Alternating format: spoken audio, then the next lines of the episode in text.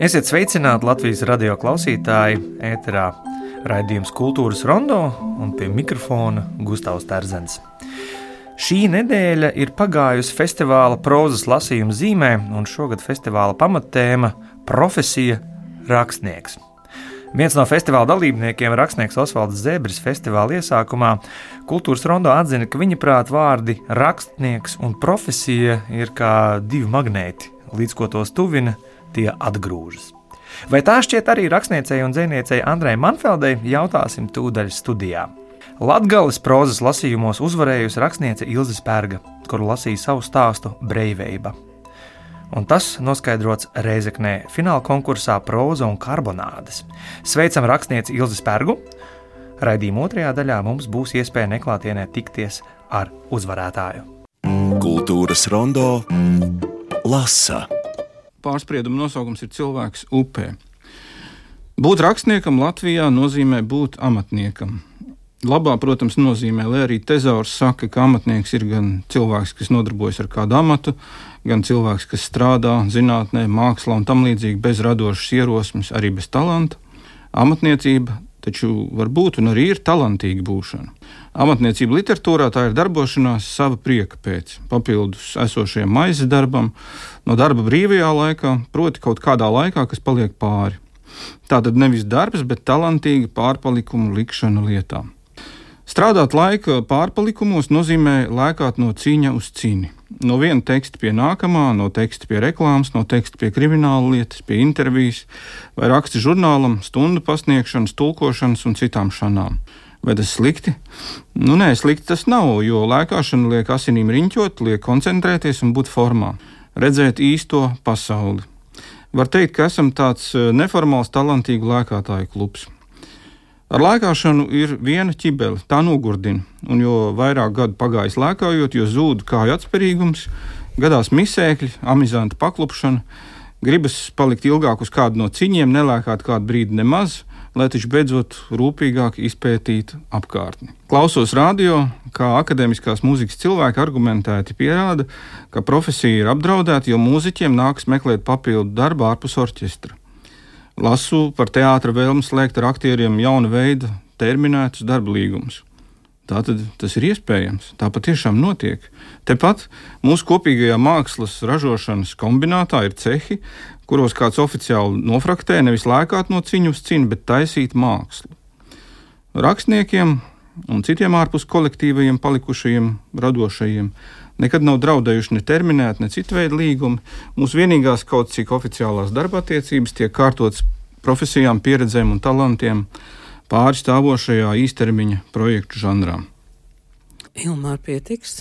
Pietiks. Pietiks, jā. Tas sastāvdaļa pārējo vēl. Mēs esam pietuvojušies pasākumu. jau tādai diezgan uh, traģiskai notīmai, ne? ka nav ne tāda, ne šitāda līguma, bet, nu, projekti tomēr ir. Man kolēģi Ingūna Strautmane sarunājās ar Osvaldu Zebri un Ilmāru Šlāpinu vēl uh, festivāla prozas lasījumu pašā, pašā sākumā. Tas ir pirms nedēļas. Ar mani kultūras rondo studijā kopā ir dzēniece un rakstniece Andra Manfelde. Sveika! Labdien! Un runājot par to, ka projekti ir un vai rakstnieks lēkā no ciņa uz ciņu, es redzu, An Andrai priekšā ir gan zīmējumi, gan saistīts teksts, gan, gan vēl kaut kādas piezīmes, darba pilnas rokas. Jā, te ir pat eh, dzējoļā apzīmēti ar eh, zīmējumiem. Es neesmu tāds tipisks rakstnieks. Es esmu cilvēks, kurš gribēja būt glaznotājs, tad sāk rakstīt dzēju, tad sapratu, ka man taču ir jāizstāsta briesmas tā cādata. Un, un katru reizi man nāca pretī kāda tēma, un, un tā es paliku tajā rakstīšanā, bet, lai es citreiz varētu no tā atpūsties, es sāku zīmēt, jo man īstenībā ļoti patīk. Tas man tā, tāda tamborēšana, tamborētas man nepatīk, ļoti nesanāk, bet zīmēt sanāk. Un, un es māju tos ciņus, kā gan no Osvaldas sapratu, ka tas ir nu, tikai par rakstīšanu viņš it kā domā. Man ir d- dažādi faktūru ciņi, uz kuriem es lēkāju. Bet, Bet tas, tas, tas lielais temats šī gada prozas lasījuma festivālā, profesija rakstnieks, klasifikatorā viņš ir. Bet vai rakstnieks var būt kā profesija? Es būšu rakstnieks, es izvēlēšos nu, kā nu, poligrāfs vai kā datorspeciālists. Vai? Nu, jā, būt tāda štata rakstnieks, kurš tas vajag apmaksāts, tad varbūt varētu tādu izvēlēties. Bet es nedomāju, ka mm, to rakstniecību ir ļoti grūti, jo es gribu uzsvērt to, ko bieži aizmirst, bet kas izklausās diezgan arī aizdomīgi, ka arī uh, rakstniecība vai rakstīšana vai būt rakstniekam, tas nozīmē būt māksliniekam, un grāmata ir mākslas darbs. Ne tikai mm, informācijas avots vai kopums vai cietos vakos ievākots kaut kas, bet uh, mākslas darbs. Ne. Un, un līdz ar to par mākslinieku neviens jau neizvēlās. Kaut kāds am amata prasmes ir jāapgūst, bet tur jābūt tomēr tādam aicinājumam. Jo tā garoziņa ir diezgan kraukšķīga šim visam. Negribu lietot vārdu pasākums, bet, bet nu, dzīvesveidam. Prozas lasījuma festivāls tas ir tāds kārtīgs sakoncentrējums ar īpaši dotu uzdevumu, kuram arī ir jāgatavojas. Un tu piedalījies atklāšanā. Kā tev festivāls ir pagājis? Cik daudz tu esi paķērusi sev līdzi un kā tev tas ir noslēņojies šobrīd, mirkli pirms festivāla beigām? Tā kā man jābrauc ar visu dienu, turpat pakaļ rēķinot, tas bija tikai uz pasākumu, kurā piedalos es. Kā, bet tad, kad es biju jauna, tad es gāju uz visiem pasākumiem. Un es biju nu, tā, ka tiešām sastāvu grafiku un katru dienu eju un piedalījos. Un, un, un tikko es arī sāku, man, sāku aicināt, tad es piedalījos kādus septiņus gadus no vietas. Tad pēc tam bija tāda pārtraukuma. Līdz ar to es tā nevaru spriest. Nu, mums vēl bija pirmajā atklāšanas pasākumā vakarā. Mm, mēs gājām pa tumsu caur kupenām, un, un bija dažādi šķēršļi jāpārvar. Un viņš bija sirsnīgs, bet viņš nebija tik milzīgi apmeklēts, kā man liekas, ka nu, būtu vajadzējis e, būt. Tas apmeklējums ir no svara. Pilna zāle rakstniekam ir svarīga šādos, šādos mirkļos. Mm, jā, jā. jā. jo ne visi rakstnieki, jeb savu tekstu rakstītāji, ir arī nu, tikpat drosmīgi viņu lasītāji publiski. Man patika pašā sākumā, kad, eh, kad bija šie prozas lasījumi. Es atceros vienu no pirmajiem vakariem, kur piedalījās rakstniece Tatjana Tolstoja. Un, un mēs bijām tādi jauniešu bars, kuriem nebija īsti vietas. Tas bija jaunā Rīgas teātrī. Mēs sēdējām uz grīdas. Tas bija tāds nu, tāda dzīvība, tāda jaunieša interese. Tur viss bija tādi, diezgan tādi. Tad vēl nebija hipster, tas bija pirms hipster laikmetā. Kā ir rakstīt, zin, zinot to, ka festivāla tematika ir tiek izziņota kādu mirkli iepriekš, un tad ir konkrēts laika posms, kurā dalībniekiem ir laiks uh, uzrakstīt šo tēmu, par šo tēmu speciāli. Nevis to, ko gribās, kas nāk prātā savā garā, bet to, ko paģēra festivāls. Kāda ir atšķirība? Ko ir vieglāk darīt, vai, vai cik liels mocības pieprasa šāds speciāls uzdevums? Es tad esmu nesakmīgais, jo es jau nemaz neuzrakstīju to speciālo uzdevumu. Es turpināju pārrakstīt eh, to, ko es jau biju iesākusi. Jo es sapratu, ka ah, manai draudzenei Kristīnai Ulbergai ir speciālais vakars, bet uz šī atvēršanas vakara nekas nav rakstīts virsū, kad rakstīt, lasīt, ko grib. bet es tiešām es pārstrādāju savu iesākto darbu Un, un četras dienas rakstīju par dažām lapiņām, četras lapas, četras dienas, un es pie tā strādāju. Man gan neizdevās visu nolasīt. Jānis Rokpēns secināja, ka tas jau esot tā tāds reps, ko es mēģinu lasīt, nevis prozas darbs. Jo, nu, kas ir nākuši pa tādām dzīslu durvīm, prozas istabā, tā nesakoties, tad viņiem nav tā kaut kāda Nu, tā vienkāršā stāstījuma plūsma, jo tad sanāk, ļoti strādā pie valodas, un tad varbūt to, to vienkāršo stāstu arī var kaut kur pazaudēt. Tā. Nu, jo ir citas nu, prioritātes. Cik interesanti, pirms, eh, pirms nedēļas, kad šeit viesojās arī Osvalds Zebris un Ilmārs Lāpins, uh, Ilmārs tieši pieminēja to, ka varbūt ka par rakstnieku mēs vēl kaut kur, kaut kādā formā varam runāt kā par profesiju, bet par dzējnieku šajā izteiksmē runāt ir daudz grūtāk. Vai tu tam piekrīti un kāpēc? Nu, nu, dzējas vien izticis nebūs nekādi. Es domāju, ka dzējnieki vai nu viņi e, sāk atzējot un tulkot, vai strādā kādā skolā, vai arī pāriet uz prózu, kā es, piemēram. Bet, ja man par sevi jāsaka, es maz neesmu, ka man īstenībā īstā profesija ir būt e, mammai un, un tā sadzīve un ikdiena, un tāpēc man ir e, tā rakstīšana ir, tāda sākotnēji atpūtas istaba, pēc tam arī kaut kāda liela noguruma, nogurum tas iedod, jo, bet tas ir pilnīgi kaut kas atšķirīgs. Jo, ja man nebūtu šādi, tad es droši vien arī strādātu. Bet es nevaru savienot darbu būt mammai un vēl rakstīt. To, to, to, no, tas nav iespējams. No tava dzīves tā pīrāga lielās daļas rakstīšana, kā viņa tiek nodalīta? Cik lielu daļu, cik liels gabals tas ir? Man ļoti patīk, ka, ka Hemingvejam bija klajot tāda ziņa, ka viņam prasīja, nu, ko strādā, jā? Ja? Eh, tad, kad viņš grāba lapas, viņš teica, nē, atpūšos kaimiņam. Un tad, kad viņš zvilnēja kaut kādā atpūtas krāsā, viņam prasīja, nu ko, atpūties? Viņš teica, nē, strādāju. Jo daudz jau no tā, ko tu raksti, daudz izdomā.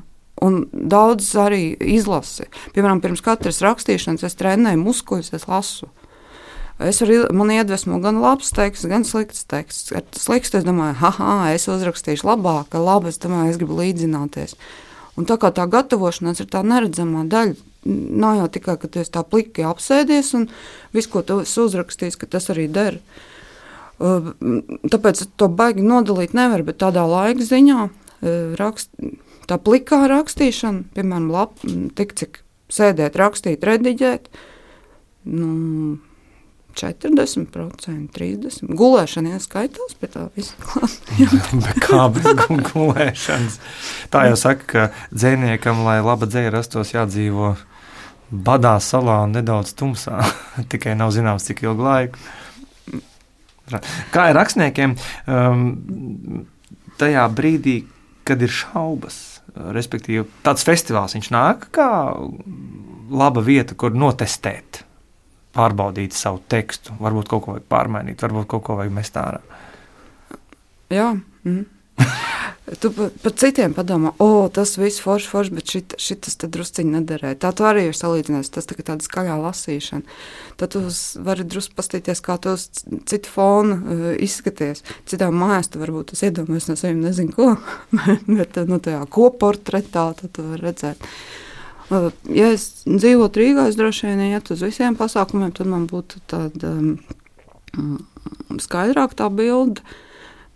Tagad nu, es priecīgi esmu redzēt, un es saprotu, ka tie ir kolēģi, un viņi ir forši. Varbūt, ja kāds man kaut kur kaitina, tad es pastāstīju viņam, saprotu, nē, viņš ir foršs. to es atvedu uz cienas līdzi. Ir zīmējumi, un ir arī teksts. Vai tu esi gatavs mums kaut ko arī nolasīt? Varbūt par tiem zīmējumiem e, es varu pateikt. Nu, tad tā, lai klausītājs e, iztēlojas, jā, lai, lai saprotu, kas ir uzzīmēts. E, šobrīd, ka, kamēr es te sēžu, tikmēr droši vien Jālgos tipogrāfijā tiek cepta mana grāmata, un grāmata ir bērnu grāmata, saucās vai mamma mājās. Un šeit uz galda ir daži, dažas lapiņas no, no maketa bet ir arī zīmējumi. Un šo grāmatu man savā ziņā palīdzēja uzrakstīt bērni, jo man meita jaunākā pateica, ka man jāuzraksta vislabākā grāmata zemē. Un tie būs parastie piedzīvojumi, tā mums uz, eh, uz mājas vēl joprojām rakstīts. Un man ļoti patīk tā bērnu vienkāršā domāšana, tā pašā laikā viņi vēl nav piesaistīti šiem visiem zemes likumiem. Jo, piemēram, man jaunākā meita tikko uzsniegts sniegs, viņa teica, nu, kāpēc, kāpēc viņi visu to sniegu ved kaut kur stu, stu, stum projām, lai taču ved uz mūsu pagalmu. Un, kad izskatās, ka viņas domas ir uzklausītas. Vēl mums, piemēram, saldētavā ir ne tikai pelmeņi un saldējumi, bet arī sniega pikas. Tie ir salikts tad, tad uz labākiem laikiem. Un es gribēju ar šo grāmatu gribēju fiksēt to, to ikdienas dzīvi, ka viņa arī ir, viņa ir haotiska, jautra, grūta, smieklīga, un bērnu acīm arī pilnīgi jocīgi, jo mums tur šajā grāmatā ieradās izmeklētājs. Bet varbūt es nolasīšu mazu fragment, kurus noklausīju no divu bērnu sarunas.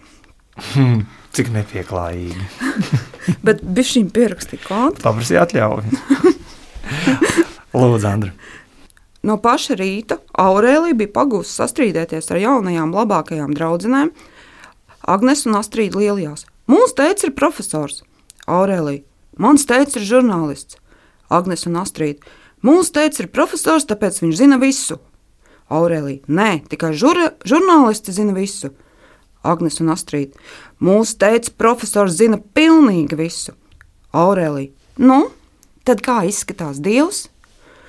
Labākajām draudzenēm nebija ko atbildēt. Agnēs attapās, viņš lido pa gaisu. Astrīda un Aurēlija paskatījās debesīs. Lielajā kokā plivinājās rozā maisiņš. Aurēlija, žurnālisti meita, bija nelokām. Mans tēvs teica, ka Dievs uzvelk vēja halātu un planē pār visu zemi. Tā viņš uzrauga, kas mājās notiek. Nu, protams, tāpēc, ka Dievs ir neredzams, jo viņam ir brīnumhalāts. Bet mūsu tēvs māsa iesāka taču Aurēlija viņām neļauj turpināt. Dievs apģērbis vēju halātu, piestūķē pilnus maisiņus ar rozām, mākoņu cukurvati un iemet pa logu. Man tā bija. Rekur vēl tagad maisiņš palicis kokā. Kultūras rondo.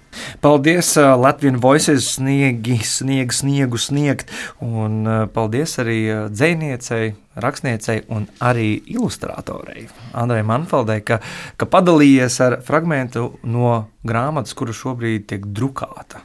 Tipogrāfijā vai mamma mājās. Andra, vai šis Kas, kas šis ir par žanru? Tā ir pasaka, vai tas ir bērnu romāns, kas top? Tā ir realitāte. Uh, Bet tad ir jautājums tev, vai Karlsons ir īsts vai nav? Cenzētais. jā, jā, man kāds uh, gudrs vīrs reiz teica, ka reāls ir tas, kas tevi ietekmē. Un, ja man ietekmē Karlsons, es noteikti teiktu, ka, ka, ka, viņš, ir, ka viņš ir reāls. Kamēr tava grāmata ir. Uh, pakļauta tagad spiedu presēm un, un, un, un, un lielām mašīnām, tipogrāfijā. Kāda cita grāmata jau ir piedzīvojusi savu iznākšanu, tā, tā ir nosaukums Ceļā ar pasaku, kas ir pasaku pētījums. Um, Junga analītiskās psiholoģijas skatījumā, un to ir izdevusi uh, Junga biedrība Latvijā. Un, uh, nedēļas sākumā mēs tikāmies ar um, trim Junga analītiķiem, Inisu Ruku, Gunu Bērnu un Ramonu Gradzenu, un runājām par to, uh, kas ir pasakas, ko tās mums atklāja. Un, uh, lūk, nošķīrums starp pasaku un brīnumu pasaku, un vēl pāris citas būtiskas lietas viņas mums atklāja. Noklausīsimies, un pēc tam es jautāšu tev, cik tev pasakas ir reāls, Andra. Jūs lietojat vārdu brīnuma pasaka. Ir pasakas un ir brīnuma pasakas. Kāda ir atšķirība? Jūs pētāt uh, brīnuma pasakas. Ir pasakas par dzīvniekiem, tādas sadzīves pasakas par notikumiem dažādiem, kas ir lauku sētā, piemēram, notiek, bet brīnuma pasakās ir tas brīnums, kas notiek. Un man liekas, ka tā pasaku tradīcija, kas man liekas, Latvijā joprojām ir ļoti dzīva mūsu tradīcijās, ir pretstats racionāliem mēs pa dienu dzīvojam bieži vien ārkārtīgi racionālu dzīvi, bet pasaka ir, un ir īpaši brīnuma pasaka, ir tā iespēja ieraudzīt kaut ko savādāku un piedzīvot kaut ko savādāku kas ir aiz tā racionālā robežām, un tāpēc brīnuma pasakas. Nu, lūk, Ines, jūsu pētniecības laukā nonāca latviešu tautas pasakas zaldāta laime. Mhm. -huh. Kur uh, īsā versija, ja, ka nabaga zaldāts nāk no kara, sašļucis, ievainots, satiek brīnumu vecīti brīnumu būdiņā, palīdz viņam uzkurt pirtiņu, uzcelt jaunu māju un beigās, protams, zirgā un ar, ar ķēniņu meitu uh, aprecējies. Ja, tad, tad, mhm. tāds pilns transformācijas, jeb izmaiņu uh, vesels kopums. Un um, jūsu gadījumā šeit ir saskatīta vīrieša iniciācija, jeb vīrieša tapšana šajā gadījumā, ja, kas ir sastapšanās ar vecā gudrā vīra un animas arhetipiem un integrāciju. Lūk, šie mhm. vārdi mums ir jāpaskaidro. Arhetip tips, anima un integrācija. Mēs katrs, kā individuāls cilvēks, dzīvojam ar to savu personisko pieredzi, kas veido mūsu personiskos kompleksus. Arī šis ir jāpaskaidro vārds komplekss. Jā, mūsu personiskās traumas, kas ir mūsu emocijas, kas ir saistītas ar šīm traumām. Tā jau, man liekas, mēs arī sadzīvē bieži vien ikdienā lietojam, nu tā ir mana bērnības trauma. Ja, tad kaut kas, kas ir bijis tāds emocionāls, bieži vien vairāk tāds negatīvs notikums, bet kas, tās emocijas, kas mūs patur savā varā. Un līdzīgā situācijā mēs atkal iekšēji psihē tās emocijas atdzīvojās. Ja, līdzīgas emocijas. Un pasaka palīdz atdzīvināt. Savā ziņā jā, un pasaka ir tas dziļākais līmenis, kur ir ne tikai tas individuālais stāsts, bet tas jau ir tāds tautas stāsts, piemēram, latviešu tautas tādā arhetipiskā līmenī, mūsu kultūras pieredze. Tas stāsts par to, ka zaudēts nāk mājās no tā sava dienesta vai kara, jā, tā ir tāda nu, ļoti racionāla pieredze. Jo zaudētam tiek dotas pavēles, viņam ir jādara tas, kas ir jādara. Ja, viņam nav laika aizdomāties visticamāk par to, ko viņš pats gribētu vai negribētu. Nu, lūk, tā ir tāda tā krīze, ko mēs bieži vien arī sastopam savā dzīvē, par to, ka ārējie notikumi, ārējie noteikumi mums vienkārši vienā brīdī nogurdina. Un tad ir jāsāk meklēt to savu ceļu. Tad, ko es tālāk darīšu? Jeb, Šī ka... pasaka ir par vīriešiem, bet tas notiek arī ar sievietēm. Un šajā gadījumā jāpiesauc ir vecā labā dziesma par to, ka pasakai zemes virsū nu nav māju. Kultūras rondo iztēlojas. Lūk, apziņa, zemapziņa, virsapziņa, pasakas, brīnuma pasakas šeit, kultūras rondo studijā. Esam kopā ar dzēnieci un rakstnieci Andru Manfeldi. Andra, saki, kādas tev ir attiecības ar pasakām? Bērnībā ļoti labas. Tā, tā ir pirmā lasām viela, ko es la, lasīju. Es izlasīju visas iespējamās pasakas vairākas reizes. Mm, tie man bija svētki, kad mamma nāca ar kārtējo brīnumu zemes pasaku grāmatu mājās. Uh, Bet vienā brīdī bija tā, ka es sāku lasīt pasaku un nezināju, ar ko viņa beigsies.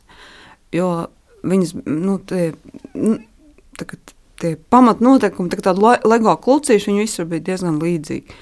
Nu, tad trešais tēvdēls vai, vai tas liktais puķis. Vai, vēl tur, un es jau mācīju salikt, bet, bet atšķīrās. Japāņu pasakas atšķīrās, un arābu, un tad jau autoru pasakas. Vi, un viena no tām man vēl joprojām šausminoša liekas, bija tāda augstā sirds. Tas, uh, es braucu šeit, mēģināju atcerēties, kā uzvārds. Jā, Pundras Gardeguns, kas rakstīja. Un, un, un tā, tās no pasakām izaugu un sāku lasīt jau tad grāmatu. No pasakām var izaugt. Nu, īsti nevar, tāpēc, ka šodien bija tāds mežs, tik skaists, un stirniņš sēdēja, un tas, tas viss tāds ļoti pasakains bija. Bet, nu, Es domāju, jā, pasakās slēpjas tādas atslēgas, jo, kad man arī dzīvē grūti gājas, piepieši atcerējos par viņu par princesi Vārdi, kur mm, tas eh, princis noķēpa to vārdu zādu, un tad viņa nevarēja laicīgi pārvērsties atpakaļ, un vēl tas briesmīgais puķis viņu tur noķēra un aizveda, un, un es ieraudzīju savā dzīvē, ka, un, ka tā notiek. Un ka tās schēmas tiešām darbojās. Un es noteikti šo grāmatu palasīšu. Jā, es tev viņu varu pat, pat mierīgi dot un lasīt, jo es jau viņu diezgan esmu ielasījies, bet raugi kādas tēmas Junga analītiķi atrod mums tuvās pasakās, piemēram, Latviešu tautas pasakā, ko Urbats ķēvis dēls Guna Berga pēta ego kompleksa attīstības ceļu miedarbībā ar kolektīvu bezapziņu. Vai, vai mēs bērnībā kaut ko no tā jaušam, ko pasakas patiesībā vēstīja? Nu, tagad jau nevar tā baigi salīdzināt, bet uh, man drīzāk biedē vēl kaut kāda cita lieta, ka ka viņas var kļūt par arī tādu mm, stereotipu vlaķi. Nu, ja tu esi mm, jauna meita, tad tev jābūt likumīgai, citādāk tu neesi smuka un var aizvest tādā mm, arī gūstā. Brāļu grimu pasakas tev ir bijušas tūs? Mm, Andersena tuvāks man. Ko, nu? Tur arī tumsas netrūkst. Bet mums jau viņas arī cenzētas, cik es saprotu, ka uh, tik briesmīgas vēl pat maz nebija kā īstenība. Cenzētas, es drīzāk teiktu, iztaisnotas, ja pielabinātas kaut kādā veidā, jeb tā, tā, mm. tā, tā rūktā puse varbūt ir mazināta. Kāpēc? Un cilvēki emocijas būtu pieklājīgāki droši vien. Jo, nu, ja tā paskatās nu, kāda ir mode, kāda ir sabiedrības normas. Viņi eh, nesēž pie uguns, kur ne, neplāja vaļā visus savus arhetipus tie, tiešā tekstā. Tas ir tāds mežģīnītais vairāk. Bet las, lasot tavus ierakstus sociālos tīklos, sociālās saziņas portālā. Man ir tāds sajūta, ka tu esi rakstnieks arī tajā brīdī, kad tev laupītājs pieskrien un mēģina nolaupīt naudu uz ielas, un kad tu sastopi žurku, un tu to momentāli liec iekšā. Arī klausītājs var tev piesakojot, atrast šos ierakstus. Viņi jau ir literāri, jau pasakā pārvērsti ļoti nu, biedējoši notikumi. Nu, tas ir tāds periods, es domāju, ka ceru, ka neturpināsies. Šodien jau es arī nevarēju nokļūt. Jau, um, tad, tad mašīna ar kuponām bija pa ceļam un nevarēja atbraukt. Bet tā tas uh, citreiz uh, notiek. Bet uh, ir tāds dzīves posms, viens posms man bija liepā, tāds, kā es eju uz jūru, tā es atnesu dzējumās. Nu, kā tāds makšķernieks eju tik izmet makšķers, un tad man likās, tas ir nieki, tad nieki un izspriedz, ka tas nav nopietni. Bet tagad es pārus tos dejos, viņi ir labi. Varbūt tur, tur kaut kas jāpielabo kāds vārds, un, un, un es ceru, ka viņi arī kaut kādā ie, ieguls kādā dzējoja grāmatā. Šajā nedēļā Rīgā viesojās Igaunu melnā humora meistars, mākslinieks Marko Mētams, kurš savos darbos ir interpretējis un ilustrējis labi zināmus bērnu stāstus un pasakas, liekot uz tām paraudzīties pavisam citām acīm. Mani sauc Marko Mētams, esmu Igaunijas mākslinieks un mākslas pasaulē darbojos jau 30 gadus. Divreiz esmu piedalījies Venecijas Bienālē un vienmēr ar prieku viesojos Rīgā. Šī ir jau mana trešā izstāde galerijā Māksla XO. Manu jaunāko izstādi sauc reizes sensenos laikos. Tajā esmu interpretējis 14 pazīstamas bērnu pasakas un stāstus, mēģinot tās ielikt mūsdienu realitātē. Man kā māksliniekam vienmēr ir svarīgi runāt par laiku, kurā dzīvojam, ne tikai skatīties pagātnē vai nākotnē. Šie ir labi zināmi stāsti no bērnu grāmatām, kas laika gaitā ir mazliet mainījušies. No pasaku vēstures mēs zinām, ka vairums šodien labi zināmo bērnu pasaku sākotnēji bija daudz nežēlīgākas nekā tās pazīstams šodien, un tās nemaz nebija domātas bērniem. Tās droši vien bija domātas kā pamācoši stāsti cilvēkiem par to, kas ir labi un kas ir slikti. Arī šodien zināmās maigās pasaku versijas bērniem pārsvarā ir pamācošas. Vilks ir slikts, sarkangalvīgs galvīte ir laba un tā tālāk.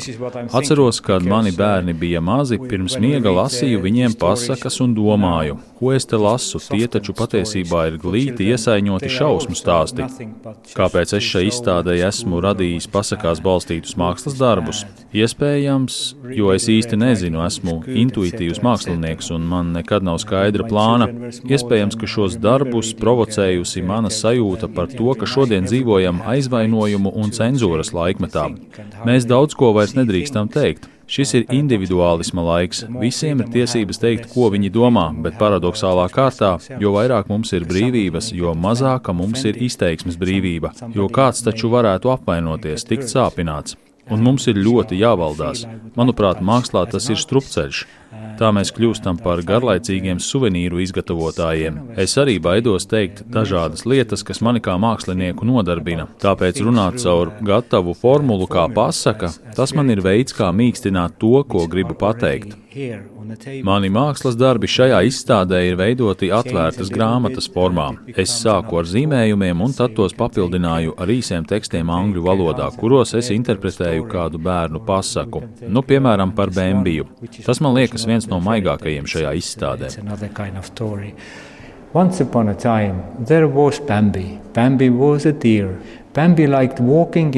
Reiz dzīvoja Bambijs. Bambijs bija briedītis. Viņam patika staigāt pa mežu un dzert ūdeni no avotiņa. Bembijam bija daudz draugu, jo viņš pats bija ļoti draudzīgs. Kādu dienu viņš mežā uzgāja cilvēka galvas kausu un dažus kaulus. Bembijs nezināja, ko par to domāt. Apostīja kaulus, pasmaidīja un gāja tālāk jo Bembijs nezināja, ka līdzās labestībai pasaulē eksistē arī ļaunums, kari un drausmīgas pandēmijas.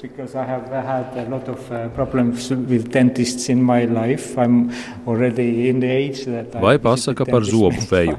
Šī ir viena no manām mīļākajām, jo man savā vecumā ir daudz nācies iet pie zobārsta. Tātad Reiz dzīvoja zobu feja. Viņa bija ļoti bēdīga, jo katru reizi, kad kādam bērnam izkrita zobs, viņai nakts vidū bija jālido turp un šis zobs jāsavāc. Tas bija ļoti nogurdinoši un kaitinoši. Un vispār, naktīs viņai gribējās gulēt, tāpēc vienreiz viņa nolēma: pietiek. Zobu feja paņēma lielu āmuru un izsita bērnu zobus, vienu pa vienam, knakšs, knakšs, knakšs, un nevienu no zobiem nesavāca sev līdzi. Nu, tā, jā, neko neizskaistināt. Paldies Marko Mētamam. Viņš arī mākslinieks, ilustrators un viņa izstāde reizes senos laikos. Galerijā Māksla XO Rīgā ir joprojām redzama. Bet mēs šeit kultūras un no studijā esam kopā ar rakstnieci un dzēnieci Andru Manfeldi. Saki, ja tev bērnībā nu, tā pa īstam stāstīts, ka zobu feja ar āmuru katru zobiņu atsevišķi tā tinkš, tinkš ko tas laupītu vai, vai, vai dotu? Man grūti iedomāties, jo manā, kad es augu, tad zobu pēc vēl nebija mm, piedzimuši. Un, uh, mums bija tikai Emīļa nedarba, kur bija jāpiesien zobs pie, pie auklas un jālec no jumta. To es arī neveiksmīgi mēģināju izpildīt ar savu balkonu durvju rokturu, un ne, neizdevās man. Uh, Man liekas, ka vispār bērni. Viņa tā domāšana ir tik paradoxāla, ka, ka piemēram, manā meita atceros, kā mēs braucām garām kapiem, man bija lieldienas, un viss tur daudz bija puķis. Viņa teica, ah, reku mirušais iet. Nu, tur vienkārši vīriešu stāvs pastaigājās pa, to, pa tiem kapiem. Viņa kaut kā savādāk uztver. Tā kā varbūt viņi pateikt, un droši vien bērni pateikt, ai, Tāpēc jau man tie zobi izkrita, vai es tur aizķeros un nokritu no skaidra. Ko mēs no bērniem varam mācīties? Šādā ziņā, gar kapsētām braucot. Nu, ieraudzīt to mi mirušo. Man parasti ko pieaugušais domā, ah, man tikos un tikos jābūt tur un tur, un kad man būs atvaļinājums, tad es braukšu sauļoties. Viņš ne, nedomā par tagadni, ne, neskatās paradoxāli tā, ka viņš redzētu pirmo reizi dzīvē. Viņš vairāk domā, ka viņš jau ir iemācījies domāt, un tas ir diezgan neinteresanti. Uh, Andra, vai var lūgt vēl kādu fragment no tavas topošās grāmatas? Pa, tas būs no citas operas, bet es domāju, ka. Kādas? Uh, saucās Kosmonauta iela, uh, kur es ietekmējos. Uh, no Annijas Arno es lasu tad franču rakstnieci, kur saņēma arī Nobelu pirms diviem gadiem. Laikam. Un viņai tāda, tāda ir grāmata, sasūlusī sieviete, un es gribu uzrakstīt tādu darbu, ka man ir visas uh, iespējas vai arī visi, visi fakti. Katra grāmata ir tā, ka tā kā matemātikas uzdevums. Tad šeit ir dots, un tev ir jāpierāda, un pa vidu ir tas risinājums. Uh, Un eh, man ir, es esmu izgudrojis, kā es varētu uzrakstīt, eh, ka man ir viss dots, lai es būtu dusmīga un agresīva feministe, bet es tad jums pierādīšu, ka es neesmu, jo es negribu tādu būt. Bet tad redzēs, kur man tas darbs eh, aizvedīs, jo iespējams, ka man vajadzēs kaut kā citādi paskatīties. Nav jau interesanti pašam arī rakstīt to, ko tu zini. Tu katru reizi, kad tu raksti, tu kaut ko meklē. Manā pilsētā sievietes nesmējas, bet kliedz, drīzāk klaigā. vienmēr kustībā, nemierā, rūpēs, par visu atbildīgas, tātad vainīgas, pavēlošas klaigas un parocīga pukstēšana. Iznes miskas, sakārto istabu, izmācies paēdi. Jā, jā, jā, jā. Noģingst bambus kareklis durvju ailē, es atgriežos istabā pie rēgu sievietēm, kur kaulu veidot no grāmatās izlasītajiem teikumiem un sejas no melnbaltā ekrānā noskatītajām. Femme fatale. Krāsas tam piešķīrus man iztēli, dažādu nokrāsu sarkans no pīlāģa līdz bordo, neredzams un tomēr īsas, ir šīs prīmu pīpējošās donnas, buržuāziskās padauzes, sagānas, kuras mīlēs smiltīs ar precētiem, pašpārliecinātas un pievilcīgas viņas snauž manā finieru skapī, iepinušās vienīgajā mātes zīda kleitā un gaida. Skaistas, tramīgas laiks, āža kājas ietūķījuši kristāla klaiviņās, klik, klik, pastaigājas. Lūk, viena jau aizklidzina zem papelēm, šīm padomi ātrāgošajām ciprasēm, augsto papēžu taktis uz Gagārina ielas. Kultūras rondo ceļo. Ceļosim šobrīd eh, no Latvijas rietumiem uz pašiem, pašiem Latvijas austrumiem Latvijas prozas lasījumos uzvar rakstniece Ilze Spērga. Šajā nedēļā Rezeknē sarīkojumā proza un karbonādas noslēdzās Ceturtais konkurss Latvijas prozas lasījumi, kas ir daļa no festivāla Latvijas prozas lasījumi. Šogad par uzvaru cīnījās rekordliels pretendentu skaits - 21. Žūrija izvēlējās septiņus finālistus, no kuriem pieci bija klāta noslēguma pasākumā un lasīja savus darbus sanākušajiem prozas baudītājiem. Sīvā konkurencē par labāko latgaliešu prozas darbu šogad atzīts rakstnieces Ilzes Spērgas stāsts Breiveiba. Uzreiz pēc apbalvošanas ar uzvarētāju tikās Madara Bērtiņa no Latvijas radio Latgales studijas. Tu tikai naraksti, dari visu ko, dansai, dzīdi, aiz sienīs vai puišos, bet naraksti. Nu, rakstēšanas tu pādus nebūsi. Vicīs angļu valodu, meklē darba, brauc uz ārzemēm, šūni, odi. Naraksti. Mote grib man labu, Mana mote ir porzabējusi. Ja ir atradusies golda burtnēcā dzējuļus, tad domāju, ka man ir šizofrenija. Vai ka es esmu neriktēga, ka nebūs labi. Ja ir pamatusi man zīmēties golda, sacēt nav drūsmis. Taidos reizēs jai raksta. Var izdomāt, kā viņa aplika brīļus, izrāva no klādes lopu, klādi nulika atpakaļ plauktā, ir rakstīja. Ja ir rakstīja, man nerakstīja. Koč vieglāk būtu bijis pasakāt acīs, Taču tas nekad nav viegli. Mēs nerunājam par tādām lietām. Mēs reši kod runājam. Mēs neesam tādi, kas runājam. Ar rakstnieci, zinātnieci un redaktoru Ilzi Spērgu tiekamies uzreiz pēc Latvijas prozas lasījuma noslēguma pasākuma, kur 21 dalībnieka konkurencē Ilzas darbs Breiveiba ir atzīts par labāko. Šī gada konkursa devīze ir Es rakstu, bet vai tu lasīsi? Arī jūsu darbā izskan šis motīvs, tu tikai neraksti. Cik labi jums pašai izdodas nerakstīt? Nu, kā līdzinoja tas eh, gadījums, tad švaki. Ja es nerakstītu, tad nebūtu to stosta. Bet patiesībā nerakstīt ir vieglāk, protams. Par to, ka rakstīt visad ir darbības vārds.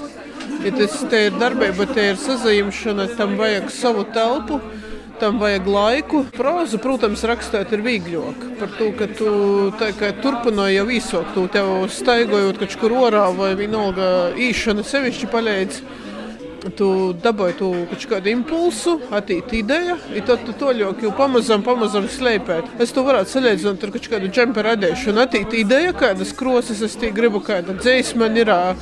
Ja kaut kas tāds, tad es jau lieku kopā. Tā ir pamazām, pamazām saudu visu kopā, to tekstu kā audumu, beigās noslēpa, ievalkaju dīgu galus. I tad ir rezultāts. I, bet var gadīties, ka tas džempers ir jāsvīž orā par to, ka es ir par mazu sagos vai našmuku vai nu, nu, tā gados. Ir teksti, kas, protams, ir jāizsvīž. Nu, pat ir publicētas arī jūsu pārdomas par stikla grieztiem latgaliešu autoriem. Kāpēc, jūsuprāt, ir svarīgi par to runāt? Par to, ka tie grīsti mēs jūs no vienas puses paši uzturam, jo siltumnīca arī ir ar stikla grīstiem. Ja tad ir viegli dzīvot tādā savā telpā, savā uztabeņā, ka ar tādu varbūt no vienas puses upura lūmu, ka man viņas neskaita, man viņas nezina. Ir reizē arī pat nazacens, nekur tikt orā par to, ka tie orā reāli tu saskarsies ar to, ka iespējams, ka tevi tiešām nevienam nav vajag. Par to, ka tie būs te auditorija, kas šobrīd nav tavējo, un kas varbūt nekad nebūs tavējo. Par to, ka ja neskaita latgaliski, ja nekad neskaitās. Par to, ka latgaliski skaitāt tekstu ir piepūļa katram gan latgalīšam, gan latviešam, gan uh, baltu valodu speciālistam par to, ka te ir vēl viena kaut kāda valodas zīmju sistēma, ortogrāfija, kurā tev ir jāiebrauc, jāiet vidā. Ja, protams, ka tie ir pīpēļi. Ja to ikdienā nedara, tad uh, ir cīši grūti uztvert tekstu, kur nu vēl sarežģītu tekstu, kas nav, teiksim, kaut kāda tautas dzīsme, bet kur ir kaut kāda, nu jau sarežģītāka leksika. Tad saucās pie mūsu tā nesaka, pie mūsu tā nerunāja, kas te par valodu. I, nu, tas tāds, uh, latgaļīšu skatīns, ka apmēram tas nav riktīgi. Vai atkal poriem latviešiem nareši tas ir tā, nu, ko tā ītī dara, nu, tas, tas, tas principā, zim atsatīca, tie arī ir tie stekla grīsti, ka No vienas puses, viņa visu laiku ir jāsaka pušu, lai viņa tā kā lats iz azara, lai jo nebūtu. Tikko tu zaudēsi mudrību, es mudri ataugu par to, ka tikko autori tā kā īgrums tādā savā pūrā vai savā pašapmierinātībā, faktiski nevienam jau jūs nevajag. Bez jūs var brīvīgi iztikt. Autoru, kas raksta, ir daudz. Kur tad ir tā tava savpatība? Vai tikai valoda, vai tas doma, ko tu gribi aiznest cilvēka? Ir reizēm tā valoda arī eh, izlīgs lozdus, un nekur tu neteici par to, ka tevi napori skaitās citā valodā, bet tu arī bieži vien tamā valodā arī palīdz. Tādā, nu, savā pasaulī. Kur tev ir viegli ārtai, tie latgadījuši pasākumi bieži vien interesē tikai pašus latgadījušus. Man gribētos, ka teksts latgadiski, kas izskanēs prozas eh, lasījumos Reigā, varbūt arī kādā ziņā nu, portrauks to tādu tradīciju, ka latgaliskais atceru un tikai latgulā. Šodien pasākumā izskanēja tāda frāze: papīrs pacieš visu, internets vēl vairāk. Kā ir tad jau būtībā? Visi varētu rakstīt, publicēt internetā, bet tomēr tā grāmata ir svarīga. Un arī šodien pasākumā piesakot finālistus, visiem tika sauktas grāmatas, ne jau publikāciju skaits internetā. Internetā var publicēt visu, arī grāmatā var nodrukot visu. Ir tāda frāze mums savā varbūt tādā lūkā, ka nodevu mežu, izdevu grāmatu. Par to, ka, ja tev ir nauda, faktiski tu vari mierīgi izdot, ko tu gribi. Ja tādu grāmatu ir pilns pasaules. Grāmatā, protams, ir vairāk svara. Tā ir tradīcija, tas ir papīrs. No otras puses, tā grāmata liek sazavokt par to, ka internetā tu publicējies pa vienam stostam, pa fragmentam. Beigsies domēna derīguma termiņš, tos tekstu vairs nebūs. Beigsies elektrība, tekstu vairs nebūs. Nebūs interneta, tekstu nebūs. Papīra formatā, teiksim, latgalīšu vecākā grāmata 1753. gads, joprojām ir eksemplāri vairoki. Tā kā papīrs pacīš vairāk. Otrs ir tas, ka Latvijā grāmatu izdot ir vieglāk nekā piedzīvot publikāciju kultūras mēdījos. Lai gan finansējums abiem lītām ir no valsts, gan mēdījus, gan grāmatas finansē kultūra kapitāla fonds, bet grāmatai naudu dabūt ir vienkāršāk. Ja, teiksim, ja Lakuga vai Latvijas avīzes kultūras zīmes regulāri publicē latgalīšu autorus, tad citur tikt, nu, tie ir cīši bīzi tie stikla grīsti. Lai tiktu kaut kur vidā, tev visu pirma tiek prasēts iztulko latviski. Ja tad ar savu latgaļisku latviešu valodu tā arī palīdz pie tiem stikla vortim. Darbs breiveiba, vai tas ir personīgs stāsts un vai tas ir daļa no kāda lielāka darba, pie kā tagad strādājat? Man visu laiku ir doma par uh, stostu krojumu, bet es joprojām nevaru atrast sacēsim, mugurkaulu vai ko es ar jū gribu pasakāt. Ir cik toļi tas ir kaut kāda fantazija, cik toļi te ir kaut kāda dokumentāla literatūra. Ir, protams, ka es esmu cilvēks, kas nekad nepierakstās biogrāfiskus vai dokumentālus stostus. Es esmu fantāzēju. Par to te nav taisnība. Protams, ka mana mama nav mirusi pašnāvībā, ja vienkārši ir mirusi. Ja, protams, ka man to tekstu bija grūti skaitīt par to, ka man nav mammas šobrīd dzīvos. Bet Proza jau vispār runās nu, pieredzes, ko tu redzi, ko tu piedzīvoji. Te obligāti tā nav jābūt tavai pieredzē. Tu vienkārši redzi, kas apliek noteikti. Tu redzi cilvēkus, tu skaitīji dzīves stostus. Tā kā autors ir tāds mediators starp reālo pasauli, starp fantāziju. Tas, kas sēž beigās, reizēm tas pašam ir pārsteigums. Paldies! Vēlreiz sveicam rakstnieci Ilzi Spērgu ar um, latgaliešu prozas um, atzīto rakstnieces darbu Breiveiba ar, ar Grand Prix balvas uh, iegūšanu prozas lasījumu ietvaros. Jā, un, un man bija tā kolosālā uh, iespēja šobrīd redzēt, kā īsta kurzemniece klausās savā prozas māsā īstā latgalietē, jo šodien pie mums kultūras rondo viesojās Andra Manfelde. Paldies, ka atskrēja no Liepājas pie mums un mēroja šo garo ceļu. Paldies, ka ļāvi mums ieskatīties un ieklausīties vēl neizdoto tavu darbu fragmentos, gan kosmonauta iela, gan vai mamma mājās. Paldies, Andra! Paldies! Jā, un vēl piebildīšu, ka prozas lasījuma festivāls vēl nav beidzies. Tātad eh, divi grandi noslēguma pasākumi ir priekšā, un ne tikai starp citu, bet es pieminēšu divus. Eh, prozas brokastis, protams, Andalūzijas sunī, eh, pulksten 11.10 decembrī, un uh, prozas lasījumi 23, 2023 noslēguma pasākums pulksten 5.10. decembrī. Tie būtu tādi lielākie atskaites punkti. Ar to arī uh, es, Gustavs Terzens, no jums atvados, un programma Kultūras Rondo izskan sestdienā.